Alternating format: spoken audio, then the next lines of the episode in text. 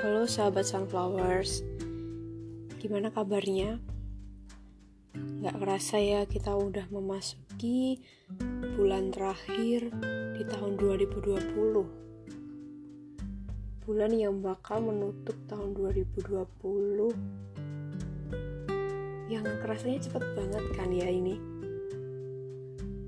Entah itu dengan tangisan Atau dengan derai kebahagiaan Gak ada yang tahu kan? Banyak orang bilang if you happy with your life